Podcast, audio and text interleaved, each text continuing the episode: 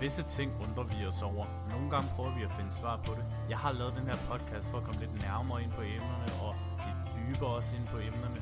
Fordi vi har så mange emner og temaer, som vi er lidt nysgerrige på i vores kultur og samfund. Mit navn er Jonas Holm, og du lytter til Holms Temasnak. Holms Temasnak er i samarbejde med Sangen Man Husker, skrivningen af festsangen, bryllupssangen, konfirmationssangen, digte, taler fra det øverste hylde. For at få mere informationer, kontakt sangen man husker, snabelag, gmail.com.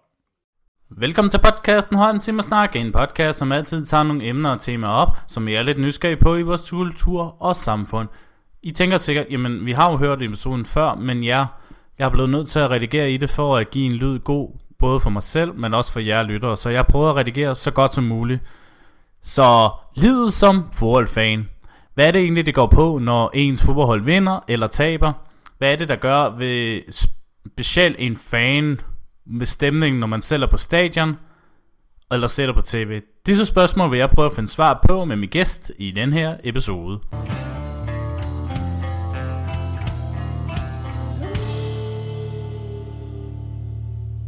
Tak skal vi snakke om livet med at være fodboldfan. Jeg er fodboldfan, og jeg er Arsenal-fan. Men jeg holder ikke med nogen i Danmark, da det ikke siger mig så meget mere. Jeg holder med Arsenal, da jeg altid elsker at se dem spille, og har haft nogle fantastiske spillere gennem tiden. Til trods af, at de har haft nogle, en hård tid de sidste par år, men ser lovende ud, og det går pt. fremad, og det klager jeg ikke over. Men en jeg kender, som er 100% fan og diehard fan, og en af mine rigtig gode venner. Det skal siges, at han er Brøndby-fan, så hvis der er nogen FCK-fans, der lytter med, så må jeg beklage på forhånd, men jeg havde svært med at finde en så digiteret fan som min øh, ven her. Og det er dig, Chris Olsen. Velkommen til. Tak skal du have. Øh, Chris, vi kender jo hinanden rigtig godt jo. Kan vi ikke komme udenom. Så, men øh, Chris, vil du ikke øh, fortælle lytterne, hvem du er og hvad du laver til dagligt?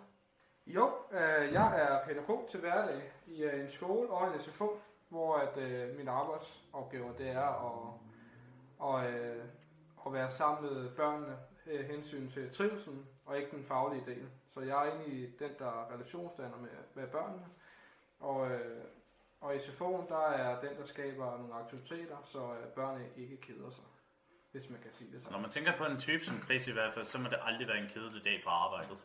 Nej, jeg har en del humor med i, øh, i måden, jeg har min pædagogiske tilgang til. Og det har jeg egentlig også bare generelt set, når jeg er sammen med mine venner. Fyrer altid nogle jokes af. Nogle gange så griner de med mig, og nogle gange griner de af mig. Eller Men, kigger åndssvagt på dig. ja, og ved du hvad? På en god måde. Dybest set, så handler det egentlig bare om at have det sjovt og, og leve livet. Lige så det er derfor, at, Lige det, at jeg er, som jeg er. Det er også Men, det, der er øh, det vigtigste i hvert fald. Ja. Men uh, Chris, du er fodboldfan, og du er Brøndby-fan. Du er nok den største Brøndby-fan, jeg kender, efter jeg ligesom hjalp dig med at flytte øh, i år, hvor intet minder måske fandt 20 Brøndby-trøjer, sådan cirka. Og vil du ikke øh, sådan starte med at fortælle, hvordan startede det med at være, at du mm, er blevet Brøndby-fan? Ja, men altså, jeg har jo sådan, sådan tænkt tilbage på, hvornår startede det egentlig helt. Altså, fordi jeg ved, at min fætter og min storebror var jo Brøndby-fans, og jeg kan huske på et tidspunkt, at jeg kigger på en, en øh, plakat, øh, som min, jeg tror min storebror han, han havde, som han gav mig, uh, som jeg lagde op på mit værelse. Og jeg kiggede bare på det her billede her, hvor jeg tænker, at uh, hold da op, hvor ser det her fedt ud. Det kunne jeg godt tænke mig at være en del af. Mm. Ikke at være som spiller, fordi det var jeg ikke god nok til. Men hvad årstal tænker vi sådan, hvor er vi sådan i tiden? Jeg tror, vi var omkring de der nullerne, omkring øh, Ja. 2000, 2002, der omkring. Okay. Jeg kan i hvert fald huske, det var der, jeg så min første Brøndby-kamp. Det var omkring der, hvor de møder Nordsjælland øh, på Brøndby Stadion, og der vinder Brøndby 2-1, og det var næsten i overtid. Så, øh, og den stemning, der var derinde, det var bare fænomenal. Det var nok også det, der drev mig, den der kultur, der var derinde. Den, øh, den synes jeg var ret fed. Det er nok det, der var kendetegnet i, at jeg blev øh, Brøndby-fan. Men man kan jo sige, at Brøndby har jo også en øh, stor historie i dansk fodbold. Det var den første klub, som var blevet professionel i Danmark, og havde de store spillere som øh, Kim Vilfort, John Faxe, Peter Schmeichel også, og så videre, så videre, de store navne, som har været der. Og de ligesom havde også deres selvfølgelig storhedstid i 80'erne, men øh, især 90'erne var nok der allerstørste, da I havde spillere som Ebbe Sand og Kim Daggaard, og selvfølgelig stadigvæk Faxe, Vilford og Mogens Krog for den sags skyld, de var også super, og Peter Møller. Og så lidt af starten i nullerne. Men Chris, Hvad var det, der gjorde, at du blev vild med Brøndby og alle hold i Danmark? Hvorfor ikke for eksempel FCK eller Midtjylland? Jeg tror, det handler meget om de værdier, som øh, de forskellige klubber de kommer med. Øhm, den værdi, som jeg føler, eller DNA'en, som jeg føler, at Brøndby havde, det er, at det der fællesskab, der er i, når man, når man øh, møder hinanden, den er, den er bare unikt. Når man kommer ind på stadion, så føler man, at man er med. Uanset øh, om man kommer alene, eller om man har familiemedlemmer med, eller, så føler man stadigvæk, at man kan tale sammen. Det er sådan lidt det fælles tredje, at man er sammen om, om noget større. Og, øh, og den, den tilgang, som vi har, at når man kommer der, føler man sig bare velkommen. Man føler bare, at Som man er en del af noget større. Ja, man Ja. føler som en stor Mhm. familie, en eller anden form for en relig- religion, hvis man kan kalde det Ja, sådan. det er en form for det. Ja, og det, er, og det er den følelse, man får, når man kommer ind. Det kunne jeg forestille mig, det også er øh, hos andre fans øh, i andre øh, klubber, øh, at man har det lidt på samme måde. Øh, at man kommer ind, og man føler sig velkommen. Men man kan jo også godt sige sådan stor kulturmæssigt i Danmark, ikke? Altså, så er det jo Brøndby og FCK, ikke? Altså, der har måske en største, selvfølgelig Midtjylland følger op jo, fordi de begynder at blive en større klub også. Men altså, man kan også godt sige, over i England, der er det virkelig meget traditionsrig fodbold derovre, men man kan også sige, at det er også dem, der skabte fodbolden, ikke? Altså, men det er jo også tydeligt ligesom at se de engelske fodboldfans, og for eksempel som Brøndby-fans, ikke? Altså, de engelske tilskuere, de kommer ind for at se fodbold. De kommer for at blive underholdt og holde med deres hold. De kommer ikke rigtig med nogle... Jo, de kommer med bander, hvis de har budskaber, det, men det er jo ikke sådan, de laver, som Brøndby laver af Tifros. Altså, hvis det hedder det. Hedder det det? Ej, det hedder Tifus, og Ja. det er, altså, nogle gange, så det er blow my mind off. Altså, det, det er fuldstændig vanvittigt, hvad de laver af Tifus nogle gange. Også Derby, når de kommer mod FCK. Altså, det, den Tifus, de laver, det er, det er gennemført, det er flot. Altså, jeg vil også rose FCK, altså, de har også nogle flotte nogle. Men jeg synes bare, at det Brøndby laver, det er bare... Der er bare et over det, og jeg bare tænker, at det her det er et fantastisk stykke arbejde, de laver. Ja, det kan Så jeg ved bare, at det er så mange dedikerede mennesker, der er til, til, til den her sportsgren, der virkelig går så meget det. Og det er jo måske også det, der gør, at man bare føler, det her det er bare fedt.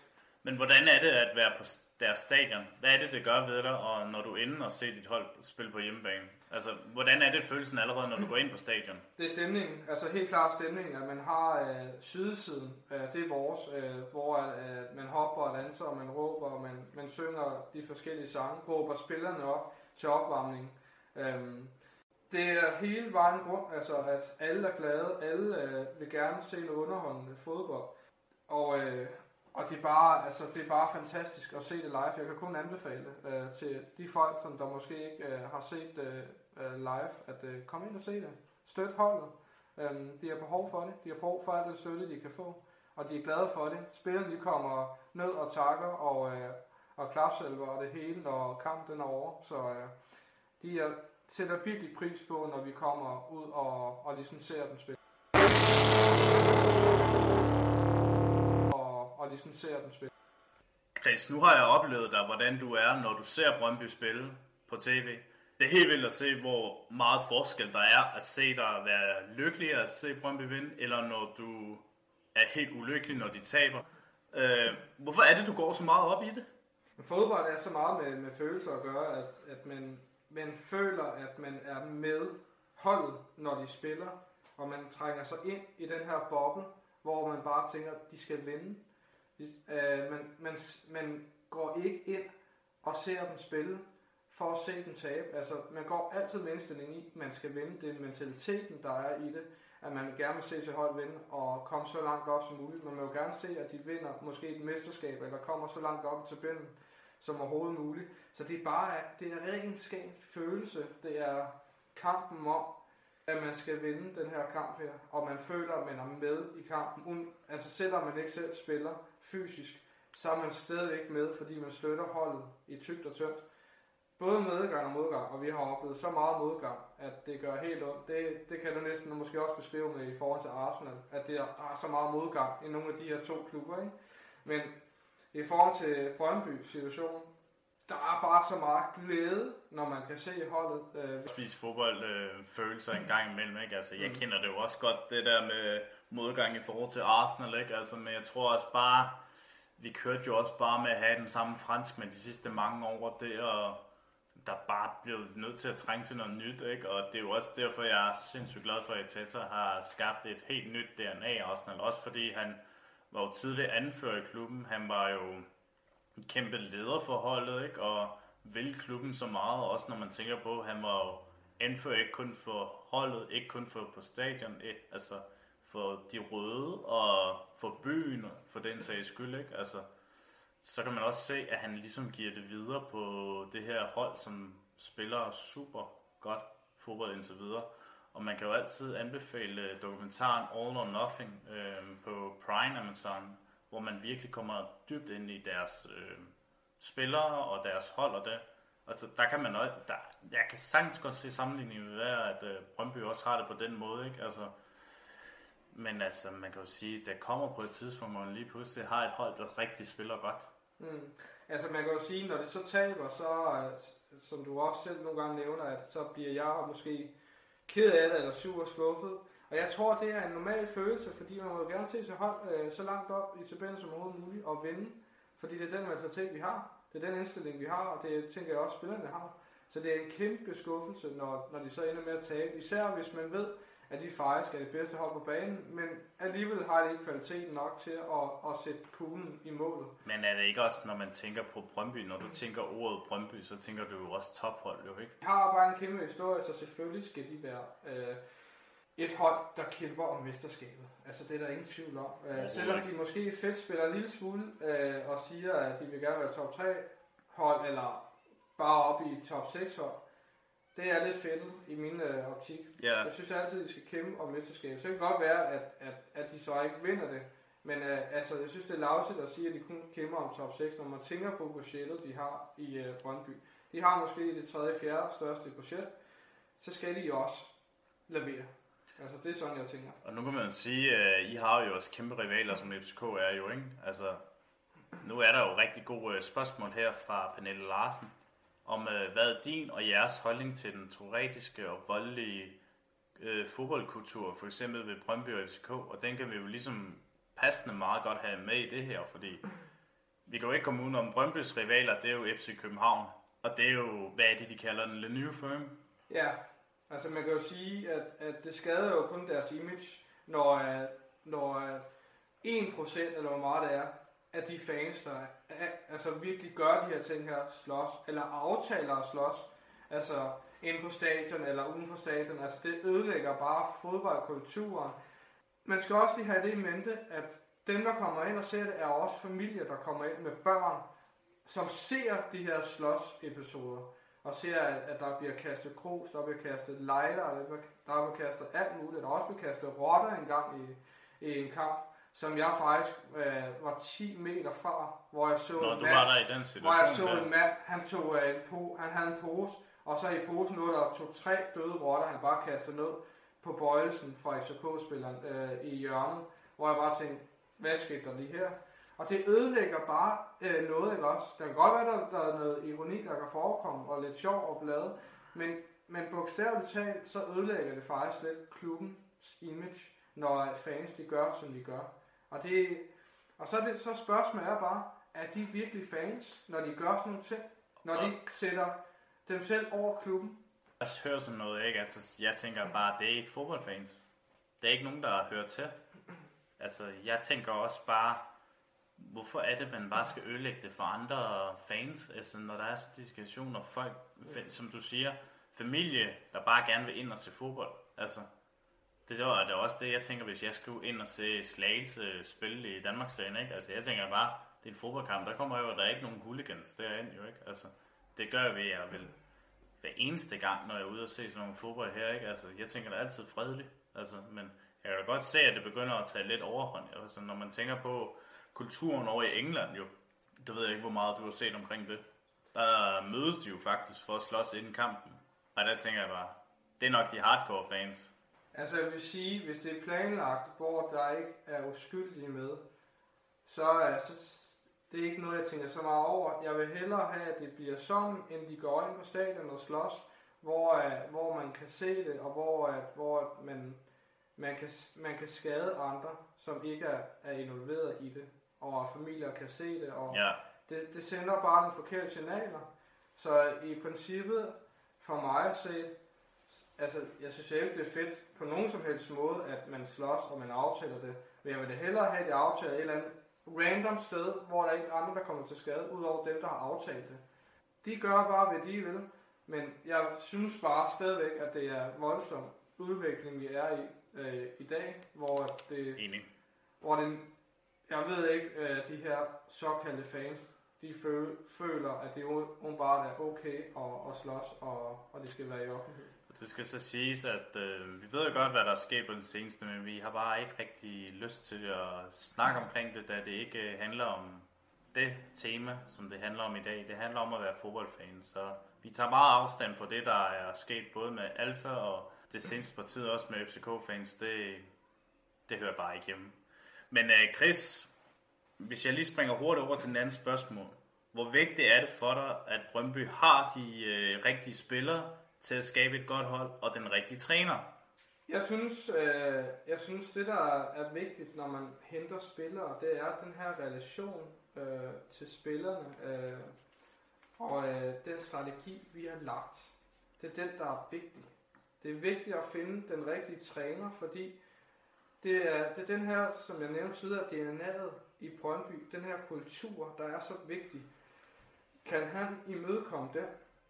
Og det er jo meget sjovt, fordi nu har jeg en liste over øh, Brøndby-træner gennem de sidste 20 år. Nu tager jeg dem, der er lidt mere velkendte navne og det.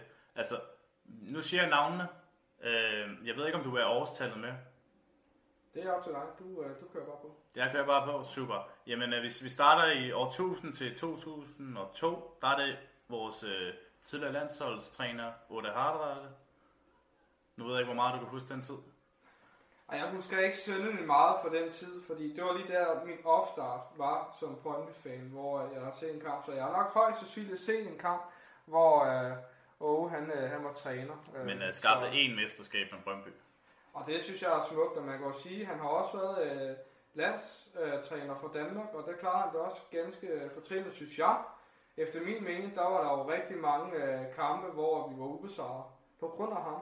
Altså, han kunne godt have haft en bedre afsked, kan vi ikke bare sige det, ikke? Ja, så, øh, så. jeg synes, han har, han har gjort det godt, og han har fortjent noget mere respekt. Enig.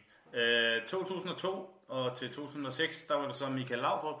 Øh, der kan vi så sige, to gange pokalturneringer. Øh, vundet. Og så det berømte 2005-hold, hvor I så vinder mesterskabet med navne som Daniel Akker og Johan Elmander og Morten Skovbo og Thomas Kagenberg, Kagenberg og Ste og var Stefan Andersen på det tidspunkt, eller var det Sasa? Jeg tror, det var uh, Sasa, uh, der var med der. Ja, okay. Jeg tror, han kom efterfølgende. Ja, men ja, altså det var en, en, en vild tid, hvor jeg tror, som, som jeg også husker det, de mødte Schalke også uh, i straffesparkkonkurrence, som uh, de også ender ved at... Det var også og, en uh, vild kamp, skulle det ja. så jeg kan godt huske den. Så vi også ender ved at vinde. Uh, det, er, det var jo fuldstændig vanvittigt. Jeg mener faktisk, så vidt jeg husker, der var jeg jo i Lalandia på det tidspunkt, og det, det var, det, var, det, var sgu, uh, det var sgu en vild tid, ikke? Uh, ja, den måde, de spillede på. Uh, og uh, de vandt mesterskabet, og ja, jeg var jeg var egentlig bare, jeg ved ikke om man kan sige en medløber på det tidspunkt, så jeg var egentlig glad, fordi jeg så ikke så mange kampe dengang, mm. øhm, fordi jeg var så ung som jeg var, men jeg glæder mig bare over, når resultaterne de bare trillede ind. Ikke? Øh, jeg springer lige nogle navne over, fordi jeg synes ikke, de har haft noget betydning. Som, jo, måske Tom Kølik, ikke? men det er for mange år tilbage, han havde, og han havde kun en kort periode. Øh, det kan godt være enig om. Ja, øh, så er vi Ken Nielsen fra 2009 til 10. Ja, det kan man sige. Det har været lidt en turbulent tid for ham.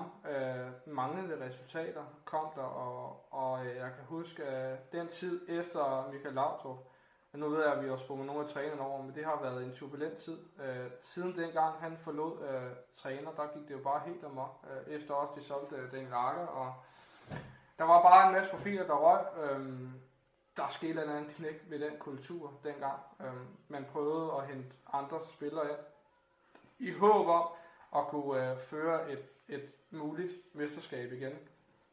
De var jo så, øh, jeg ved ikke om man kan sige heldige, men i 2008 der fik de jo så pokalen øh, øh, ja, og det var så det, øh, man, man kan sige... Øh, kan, det, kan, det, kan det passe, at virkelig lå dårligt? Var det ikke nummer 8 I blev den sæson? Jo, det passer, meget, det passer meget godt, at, øh, at resultaterne lå ikke helt, øh, som det skulle. Øh, og så kan jeg huske, at det ja, jeg kan ikke huske, det var nok derovre Mike Jensen, Michael Krondeli, noget af den stil, altså alle de, nogle af de øh, Ja, det passer meget godt. profiler, de var der, ikke? Og så er nogle øh, tidsrum, så kommer øh, øh, René øh, Jensen, og så lidt senere, så kom så Arius Gabalius i den periode.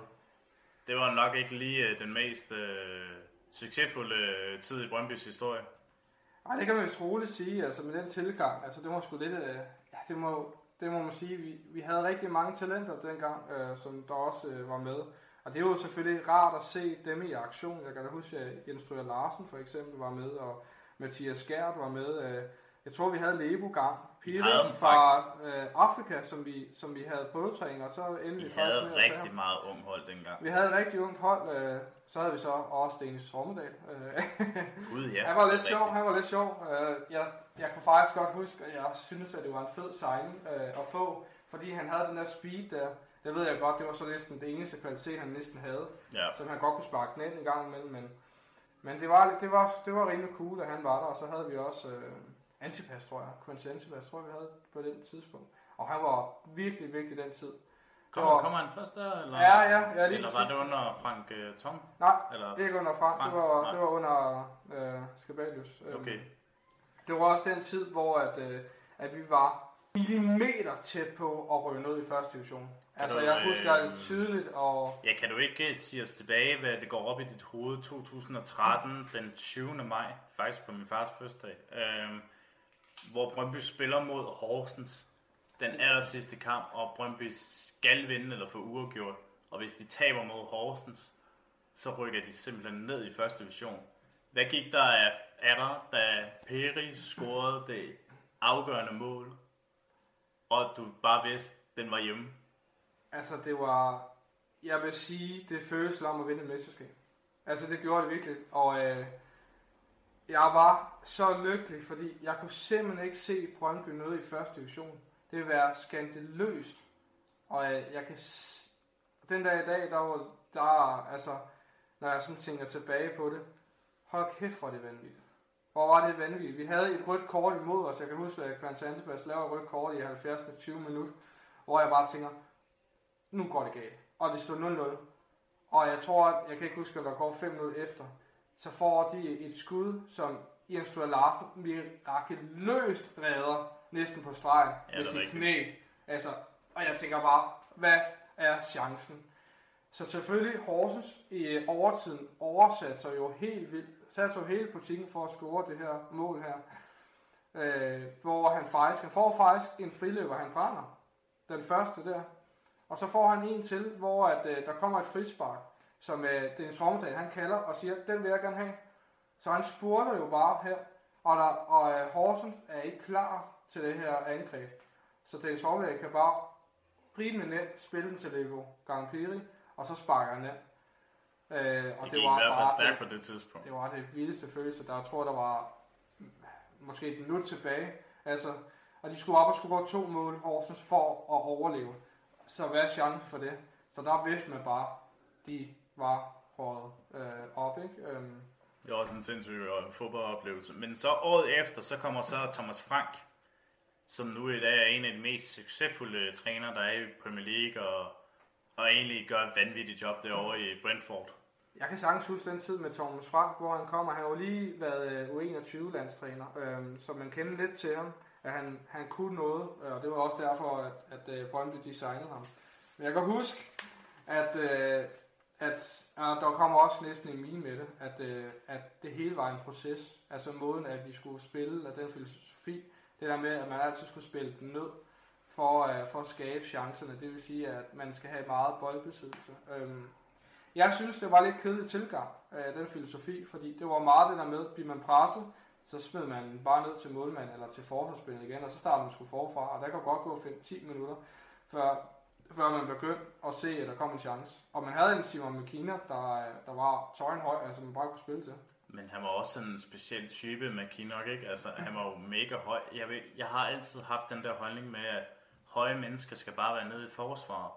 For jeg synes bare ikke rigtigt, hvis man tager ham og Bentner, og nu må måske Peter Møller lidt bedre, men han var høj, ikke? Altså, og også en engelsk fodboldspiller, der hedder Peter Crouch, som også er høj. jeg synes, det er fedt med høje målmænd.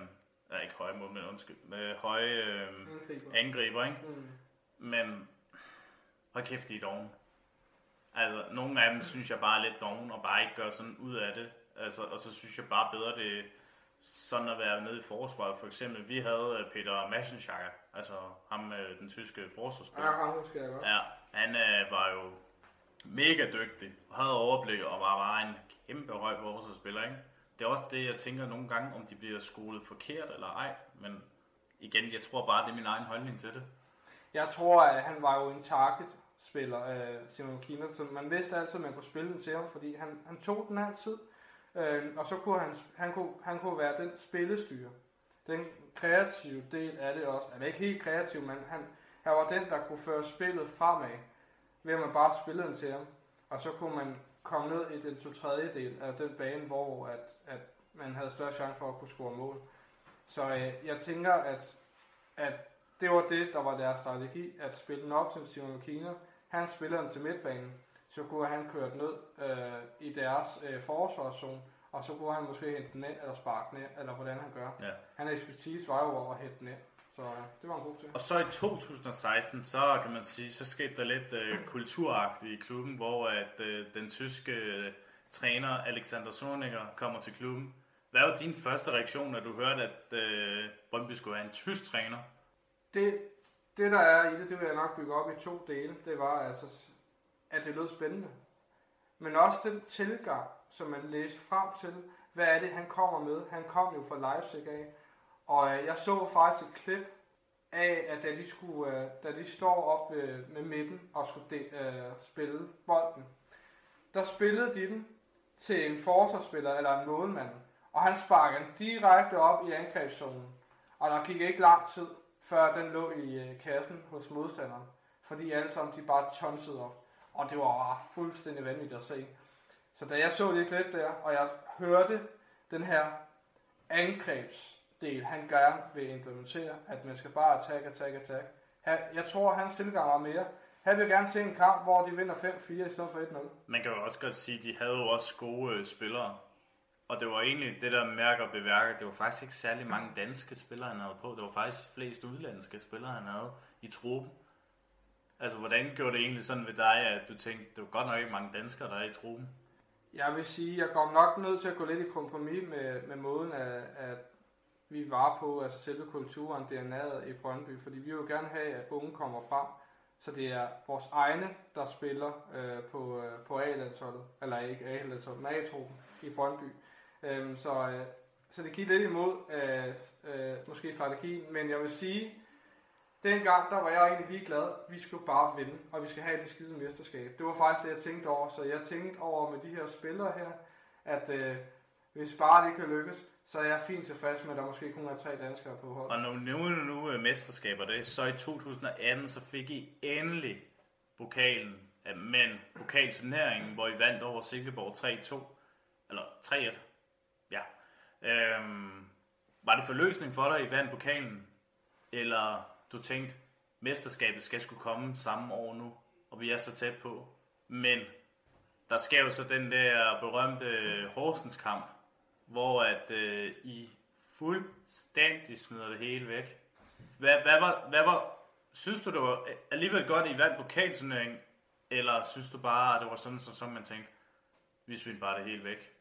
Jeg vil sige, at den sæson var, det var, det var virkelig vildt. Altså, det var, jeg kan huske, at vi startede egentlig sådan dårligt ud, og så begyndte vi bare at vinde, at vinde en hel masse kampe, hvor vi vidste, at hver gang vi kom bagud, vi skulle nok vinde det. Det var den mentalitet, man havde. Man skulle nok vinde det til en sejr. Jeg kan da huske, at, at vi er bagud 2-0 mod Midtjylland. Vi vinder 3-2. Altså fuldstændig øh, øh, vinder om på tallerkenen. Vi var fuldstændig sænket ned i første halvleg. Anden halvleg var en helt anden øh, story. Der, der trumfede vi bare igennem. Øh, men jeg var jo faktisk inde til pokalfinalen mod Silkeborg, hvor, at, øh, hvor at, at Brøndby så endte med at tage trofæet, og det var jeg jo mega glad for. Men jeg havde i sådan vurderet kampen, nu så jeg kampen på tv, Brøndby så også meget træt ud i kampen. Jeg ved ikke, om det var kun mig, der observerede det, eller om, hvad din synspunkt var på det. Ja. Måske lidt i, i slutningen af anden halvleg kunne man godt se det, men Jeg synes mere, det var lidt tydeligt uh, i Horsens kampen, at der var lidt træthed at spore. Så det var måske en chance at tage, at man havde alle spillerne, som spillede fast i Superligaen, at man tog dem i pokalfinalen. At man ligesom tog den chance, at man stillede stærkest op for at vinde pokalfinalen. Det kunne man måske godt have gjort anderledes, øh, fordi man vidste, man havde en god trup dengang, så man kunne sagtens have nogle andre spillere med. Man kunne sagtens have nogle stamspillere, og så kunne man sagtens have taget tre spillere ud, som også var vigtige. Men jeg synes, bund, bund ærligt, så var vi jo totalt glade for pokalturneringen, men vi havde nok godt solgt den for et mesterskab, hvis man kunne dele den sådan op. Men, men i forhold til det her med Horsens-kampen, øh, den følelse, man sad med, da man var foran 2-0, og der spillet 87-88 minut, hvor man bare tænkte, den er hjemme. Vi, jeg kan huske, der var fire kampe tilbage, og vi stod og var foran med 5 point. Og vi spiller uafgjort, jo... vi spiller uafgjort en gang mod FCK, og taber til Midtjylland. 1-0 på hjemmebane, hvor jeg også var, var inde og se den. Og, og det, var det er jo i mange så en helt vanvittigt, hvordan det kunne ske. Altså, hvordan, ja, hvordan og så mod Horsens, hvor vi jo foran 2-0, og så 89. minut, der kommer der et frispark. Øh, sådan lidt ude fra feltet, som er ham der Finn Bogerson. Det er næsten uh, sådan et uh, forbudt navn at sige, som Brøndby-spiller, ikke? Eller som Brøndby-fan. Ja. Øh, jeg ved, hvor, hvor, hvor at fejlen den ligger, ligger faktisk, at når han sparker, så hopper øh, muren jo. Og under det er der ikke nogen spiller. Det vil sige, den går direkte under spillerne. Og det kan Rønnerov ikke se, så den går ind. Men det er egentlig bare fint sparket, hvis man kan kalde det sådan, eller taktisk sparket. Men det, der rører mig mest, det var, at vi havde en anden spiller øh, dengang, som øh, så valgte at drible, da, det var, da vi var foran 2-1. Uh, der valgte at drible ind for at prøve at score til 3-1, i stedet for at, at trække tiden og, og lægge den ud ja. til, øh, til hjørnet, og så øh, håbe på, at, at dommeren kunne fløjte den kamp af. Ja. Men i stedet for ville han på at afslutte, og ikke score og brænde, for at de så får én chance i overtiden, og der var spillet 95. minut. Han kunne godt have fløjtet af, det gjorde han ikke, fordi at han så, at angrebet ikke var afsluttet. Og der var det der, at Finn Bogersen, han lige kom på planen igen. Og så og gik det også bare fuldstændig amok i Horsens. Og vi var enige om, der var rigtig mange Brøndby-fans, der er kommet til det stadion. For, ja, og der var mega ballade. Altså, det var sådan, så at spillerne de skulle hurtigt ud, altså, fordi at der var Ragnarok. Og øh, jeg kan huske, at Finn Bogersen, han blev jo troet altså på livet. Altså, de prøvede jo øh, at finde hans hjem, fordi at, at han, har, han var jo skyld i, at Brøndby altså i parentes, tabte mesterskab. Man kan jo sige, at han har et job, ikke? Altså, for at man kan ikke give ham skylden, fordi Nej. hvem skyld er det egentlig i sidste ende? Det er jo Brøndby. Det er præcis. Så jeg synes egentlig ikke, det er jo hans skyld. Han gjorde sit arbejde, og han gjorde det godt. Og det er skide ærgerligt, at det er sådan, der. I får så i 2019 ny træner, Niels Frederiksen. Og det var ligesom der, at det var sådan en interessant træner, fordi han havde ikke sådan haft nogle præstationer, der var helt vilde. Men i 2021, efter 16 år ventetid, aller sidste runde, vinder Brøndby Danmarksmesterskabet på Brøndby Stadion under corona, men Brøndby-fansene var lidt ligeglade. De invaderede stadion, de invaderede banen, og igen kunne man også bare se, hvor mange følelser der var. Hvad gjorde det ved dig, at det endelig skete? At I blev Danmarksmester igen? det var lidt en ubeskrivelig følelse. At nu, nu tager jeg lige sådan kampen inden af den her store kamp. Og hvad var det, I Det var mod AGF. AGF, ja. På deres stadion. Øh, og den vil jeg egentlig gerne kommentere på først. Jamen, det er så fint. Det var faktisk den, hvor man tænkte, det her det er fuldstændig surrealistisk. Hvordan kan det nogensinde lade sig gøre? Jeg husker den kamp tydeligt, at, at, øh, at vi kommer foran sådan ret hurtigt, øh, hvor vi bare tænker, det her det, det går rigtig godt. Og så husker jeg en bar situation, hvor at, øh, hvor at, øh, at, øh, at der ikke var straf til at starte med. Øh, de går ud og brokker sig øh, af AGF-spillerne, fordi der skulle have været straffe. Og så øh, lige pludselig så kommer øh, en af øh, Morten Fabrum til at lave øh, et frispark, som så giver rødt. Og så går VAR ud og tjekker den situation, og tjekker det straffespark, øh, straffespark der skulle være der. Og det ender faktisk med, at, de, at vi både får det røde kort, og et straffespark imod os. Det var fuldstændig vanvittigt. Og jeg mener faktisk, at de brænder det der straffespark, men de får et efterfølgende igen, hvor de scorer. Øhm, men det vilde er, at, at vi spiller jo over en time, tror jeg, øh, med en mand nede, og vi skulle vinde den kamp, hvis vi skulle have en Gud, chance. ja, det er rigtigt nu. Hvis vi Jeg skulle bare en lige have kampen for- op i hovedet, ja. Ja, hvis vi skulle have en chance for at, at vinde mesterskabet på vores egen bane, uden at skulle tænke på andre resultater, så skulle vi vinde den. Kunne det passe? Det var sådan ud af ingenting, at I scorede til allersidst. Var det ikke rigtigt? Det bliver faktisk scoret af Hausner, øh, fordi Hausner, han, øh, han ser ikke af Ure, øh, han er, han er, Ja, han er er bag rigtigt. ham. Så øh, Hausner, han prøver at spille den til sin egen målmand, men han skyder ikke langt nok, og han ser ikke Ure. Så Ure, han opsnapper den her spilning til målmanden, og så dribler udenom målmanden, og så sparker han den ind, og så står der 2-1. Og jeg kan sige, at der kampen den var flot af. Fuld, altså det var som at vinde mesterskabet, fordi det var sådan noget, hvor man tænkte, hvordan kunne det overhovedet lade sig gøre? Vi var i så meget modgang i den kamp, at det gør helt ondt, og man bare tænkte, det her, den her var slået. Det var ligesom som at se, øh, lidt ligesom en Arsenal-historie, at, det, at man altid har følelsen af, at det skal nok gå galt på et tidspunkt. Det var den følelse, man sad med lige der. Det skal nok gå galt nu. Nu har vi ikke mesterskab igen. Øh, selvom vi faktisk lå til det, og vi havde ført med nogle ekstra antal point. Nu går det galt igen, og det er bare typisk Brøndby. Jeg kan jo godt genkende situationen i forhold til med Arsenal, ikke? Altså, der gik jo ni år før vi fik vores øh, pokal, men nu ved jeg godt, det er FA-koppen, men FA-koppen, det er den mest traditionsrige, der er i England. Hvis man ikke vinder Premier League, så kan man altid vinde FA Cup'en, ikke? Og jeg kan bare huske den følelse, jeg også havde det, da de vandt den i 2014. Det var faktisk op til min øh, storebrors 25-års fødselsdag. Og gæsterne var på vej, og det, men jeg blev nødt til at se Arsenal. Og den følelse, der bare kom, da de scorede til 3-2, og den manglede de sidste par minutter, det var nok den bedste følelse, jeg har haft i rigtig mange år. Så jeg kender godt den følelse, hvor forløsningen bare kommer ud af ingenting. Mm. Så det var... Ej, det var fedt. Og så også de andre gange, de havde vundet FA-koppen, ikke? Altså, Mm. jeg tror, vi har vundet en fire gange ud af de sidste øh, syv år. Mm. Så det er okay. Ja, det må Så- man sige. Ja, Men, men for lige at tage tilbage til den sidste kamp mod Nordsjælland, hvor. Brøndby så vinder 2-0, der sad man sådan lidt med en, en, en følelse af, at man også lige tjekkede de andre resultater. Hvordan går det med SK's kamp? Hvordan går det med Midtjylland? Fordi man skal lige være sikker på, hvad, hvis nu at tilfældet er, at Brøndby de skvatter.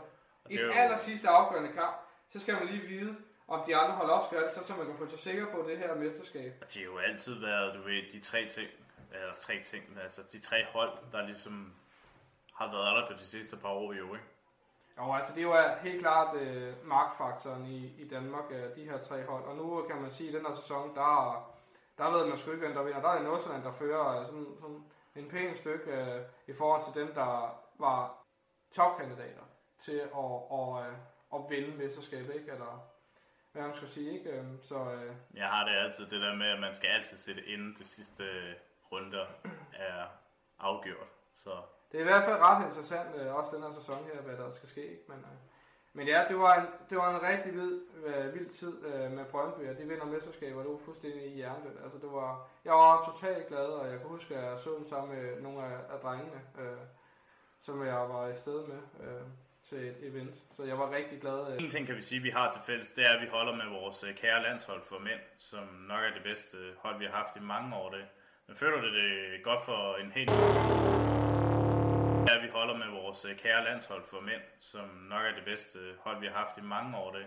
Men føler du det øh, sammen, til trods af, at vi holder med forskellige hold i Danmark? Det synes jeg, at det er jo øh, vores fædreland, det er jo dem, vi bund og grund under for, og ja, det land, som man er selvfølgelig er født ind i.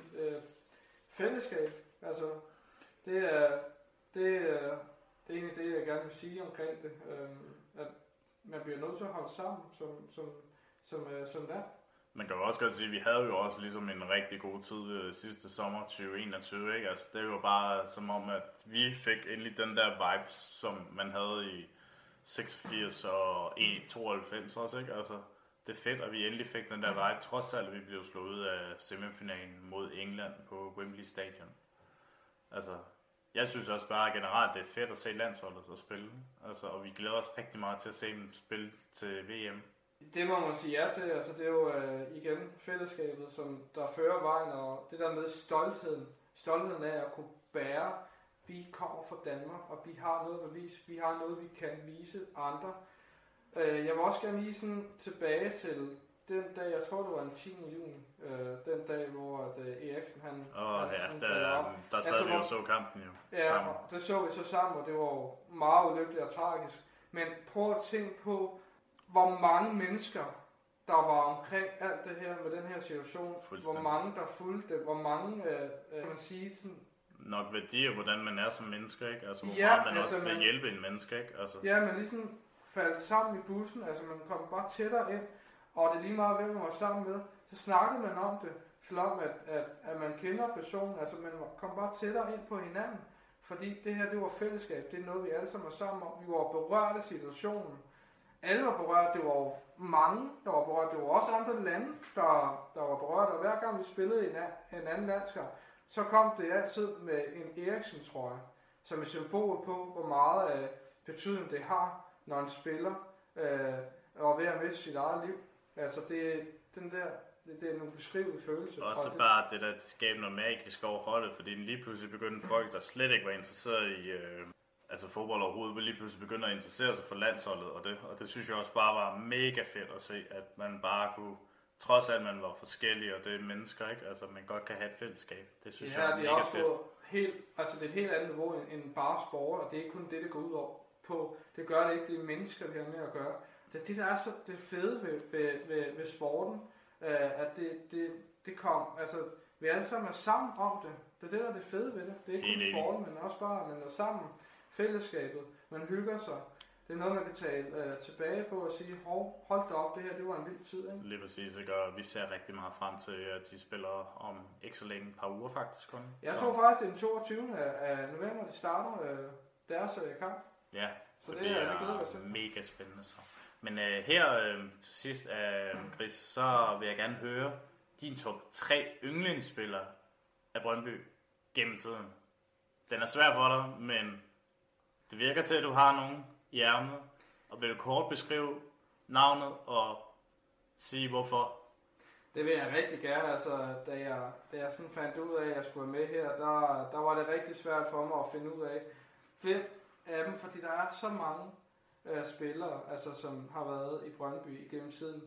Og, øh, og jeg skulle selvfølgelig finde frem til, hvornår jeg startede som Brøndby-fan, og, og, øh, og så til nu. Og der kan jeg sige, at der, hvor jeg virkelig sådan kunne se, hvor vigtig den her spiller var, øh, Michael Kron Deli, vil jeg så øh, være en af de topspillere, eller top på klub Og jeg vil egentlig gerne tale landshold. lidt om ham, fordi jeg synes, da han spillede i, i tiden i Brøndby, øhm, det kan godt være, at vi ikke vandt mesterskaber og sådan noget, og vi fik en enkelt øh, bronzemedalje eller sølv i ny og næ. Han var bare kreatør på det her hold her. Hvis han ikke var på banen, så var der garanti for, at der var kaos, og, og strategien den bare ikke helt hang sammen. Altså, og øh, relationerne var bare ikke helt øh, på plads. Så der, der havde jeg en følelse, når han ikke var der, enten var syg, eller karantæne, eller ikke kunne spille af en eller anden andre årsager, garanti for, at der ikke lige sad tre point i den kamp. Men når han var med, så fik man en følelse af, at nu sker der noget, nu sker der noget kreativt. Han kan sparke den ind øh, på frispark, han kan sparke den ind øh, ud fra feltet. Han havde bare den her x-faktor, som man savner, som mange, eller få personer kan. Det kunne han. Og Han det var- var, han var han var så vild. Han havde jo også fået en, en, en, en, en, en sang omkring ham. Altså, Altså som Brøndby fans har lavet, eller? Ja, for eksempel ikke. Og det viser bare, øh, hvor vigtig han var i den tid, han var i Brøndby. Han var en kæmpe profil. Så ham vil jeg selvfølgelig gerne øh, øh, nævne.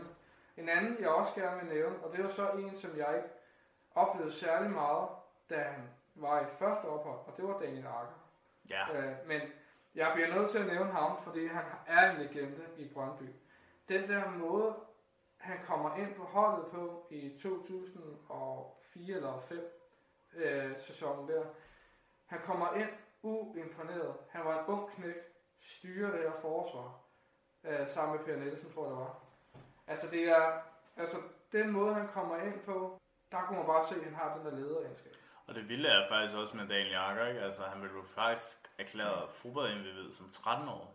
Men hans mor sagde simpelthen, øh, nej, han skal sgu fortsætte med at spille fodbold. Altså, det er vildt nok, så ved man også, hvor meget dedikation der både var for hans familie, ikke? Og også øh, den måde, han ligesom håndterer tingene på, ikke? Altså, man kunne også bare se på ham overblikket over, hvor meget han ville det så meget, om han så spillede enten i Brøndby eller Liverpool. Man kunne bare se, der var så meget dedikation over den mand, at man troede, at det var helt vildt.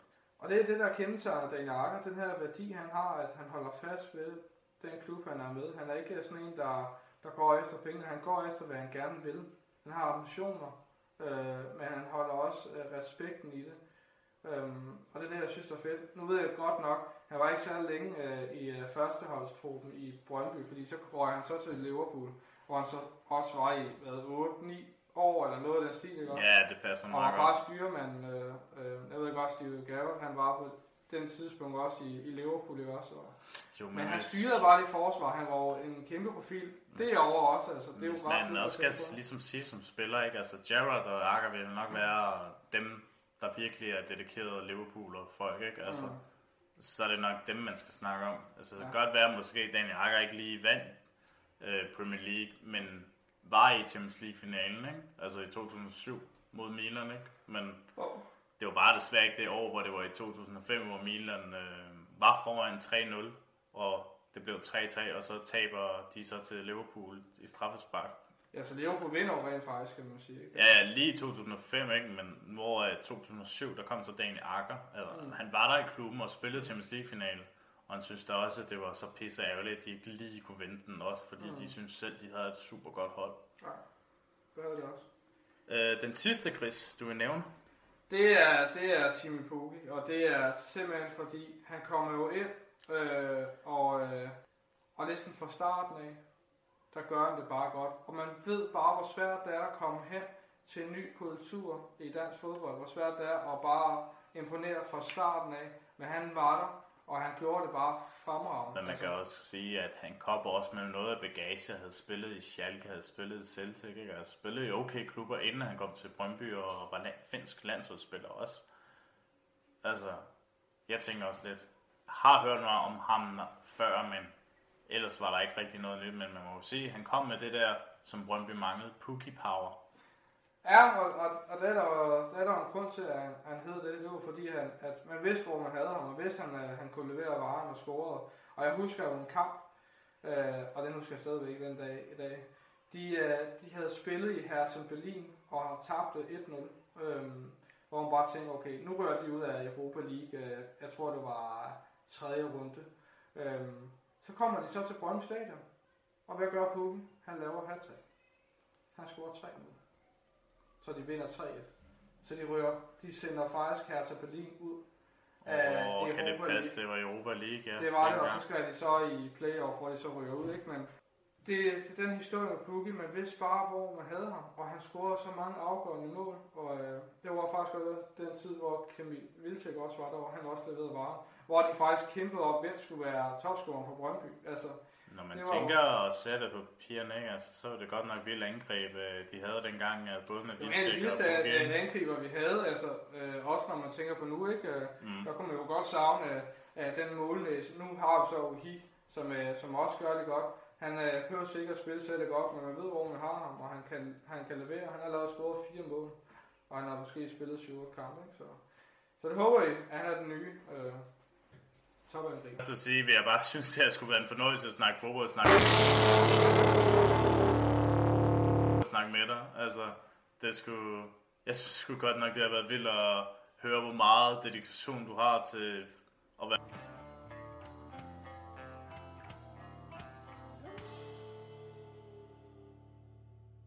Jeg synes, det har været en fed historie at høre fra dig.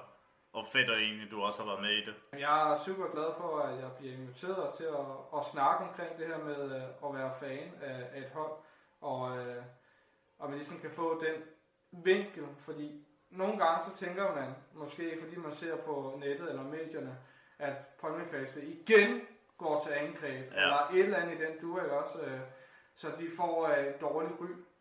Øh, og her der skal man også tænke tilbage på, at det er få procenter, måske 1 procent af alle Brøndby-fans, der gør det der.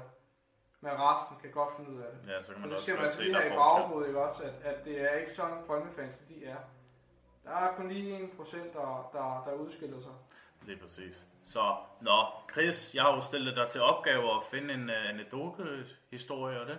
Men uh, jeg kan fornemme på dig, at du faktisk har to til mig i hjernen. Så den uh, hedder part 1 og part 2. Og den første part 1, den hedder Gamle Vejleder, og den anden hedder Sydsiden, som så er vores part 2. Men uh, Chris, jeg vil ikke sige så meget end at sige, giv en gas med den første del. Jamen, jeg vil gerne fortælle en lille historie, som jeg synes var, var, var rimelig fed. Øh, Jeg kommer hen og er praktikant i en børnehave, hvor jeg tænker, som jeg faktisk selv har været i, da jeg var helt lille. Så jeg tænkte, det var rimelig specielt, og øh, jeg snakker så med min øh, vejleder øh, på det tidspunkt for 8-9 år tilbage. Og øh, hun fortæller så, hun har en, en eksmand, som hun har været sammen med i lang tid, som er også var, hun var selv Brøndby-fan, så jeg tænkte, åh, oh, okay, fedt, nå, hvem er det her eksmand? Og så siger hun, så, så prøver hun at få mig til at gætte navnet, hvem kunne det være? Jamen, øh, han kunne muligvis godt være en legende øh, inde i Brøndby. Tænkte, Det er der jo så mange af jo. Det er der jo rigtig mange af, og så siger hun så lige pludselig, at min eksmand, det er Per øh, Nielsen. Hvad? Og så tænker jeg Altså, bare, vi snakker Brian, altså ikke Brian, undskyld, jeg mener Per Nielsen. ja, altså- som er forsvarsspilleren, som har spillet i rigtig mange år i Brøndby, og jeg tænker bare, der må jeg indrømme, jeg tabte kæben der, og tænker bare, at hvad? Da kæft. Så jeg har en vejleder, hvis eksmand er Per Nielsen. Ej, det er jo for vanvittigt jo. Altså, Det, Hold det, det var fuldstændig vanvittigt. Jeg bare tænkte, okay, lad mig lige røre dig en gang, så jeg lige ja, ja, har bare have den der touching feeling, Ja, virkelig. lige præcis, så man Shit, bare har en en lille følelse uh, af... historie, mand. Øh, Ej, der må du virkelig, da, virkelig få kuldegysning, da du allerede Det gjorde jeg godt nok også, ikke? Øh, De har jo så også børn sammen og sådan noget, eller... Mm. Øhm, det er jo så skilt nu, ikke? Men det var bare... I det moment, det var bare så vildt at, Ja. at vide, at, at åbenbart der er en, der, der kender en, som der har noget med Brøndby at gøre. Så selvfølgelig er hun jo Brøndby-fan, fordi hun har jo haft en mand, der lige sådan er, er så dedikeret til Brøndby, og så også træner i Brøndbys øh, kvinde, øh, kvindehold, hedder så. Ikke landshold selvfølgelig, men kvindeholdet. Nå, præcis. Øh, den anden øh, anekdote, du øh, vil føre af, det er noget, der hedder Sydsiden. Ja, den er jeg jo så ikke så stolt af. Nej, den er jo men, øh, måske sjov, men den er ikke, den er ikke særlig stolt af. Men øh, du vil lige gerne øh, dele det med os jeg og synes, vi kan lige så godt, vi kan godt have det lige. Øh, og jeg undskylder selvfølgelig på, på vejen af mig selv, at jeg har gjort, som jeg har gjort, øh, hvis nogen er blevet ramt af det. Men lad os lige komme til historien i gang. Øh, det var derby mellem Brøndby og FCK, og det var faktisk øh, det, det år i 2018, hvor at man, man tænker, at Brøndby skulle have vundet det skide mesterskab. Det gjorde det så ikke, øh, men øh, jeg husker, at øh, jeg var på Sydsiden sammen med min kollega, dengang, da jeg var sammen med ham. Og, øh, og der var helt proppet. Jeg kan lige så godt sige, at man sammen var helt proppet. Så skulle man på toilettet, så skulle man sgu nok gøre det, inden man satte sig op, eller stå. Det var så ståpladser. Øh, og det fandt jeg så hurtigt ud af, det skulle jeg have gjort. Øh, og inden kampen gik i gang, der tænkte jeg bare, fuck, jeg skal bare pisse. Og jeg har lige drukket en øl. Øh, jeg tænkte, hvad fanden gør jeg? Øh, så øh, jeg sad med det her tomme krus og tænkte, hvad, hvad skal jeg gøre med det? Jeg kigger sådan lidt til venstre, kigger lidt til højre, kigger lidt op, øh, kigger lidt ned. Er der nogen, der kigger? Og så tænker jeg bare, min kollega kigger heller ikke, og tænker, du hvad? Jeg pisser sgu da ned i det der. Nej. Ej, hvor er det for sindssygt. Ja, og så tænker jeg bare, hvad skal jeg gøre med det her her? Nu er den helt fyldt op næsten, stort set, ikke? Og jeg Ja. tænkte, hold kæft, jeg kunne pisse meget. og Det var, det var sådan, hvad er det, halv liters krus eller sådan noget, ikke? Så det var, der var meget pisse i den. Ej, for satan. Jeg starter faktisk med øh, sådan en meters penge væk til venstre øh, af mig, og læg, eller stille den.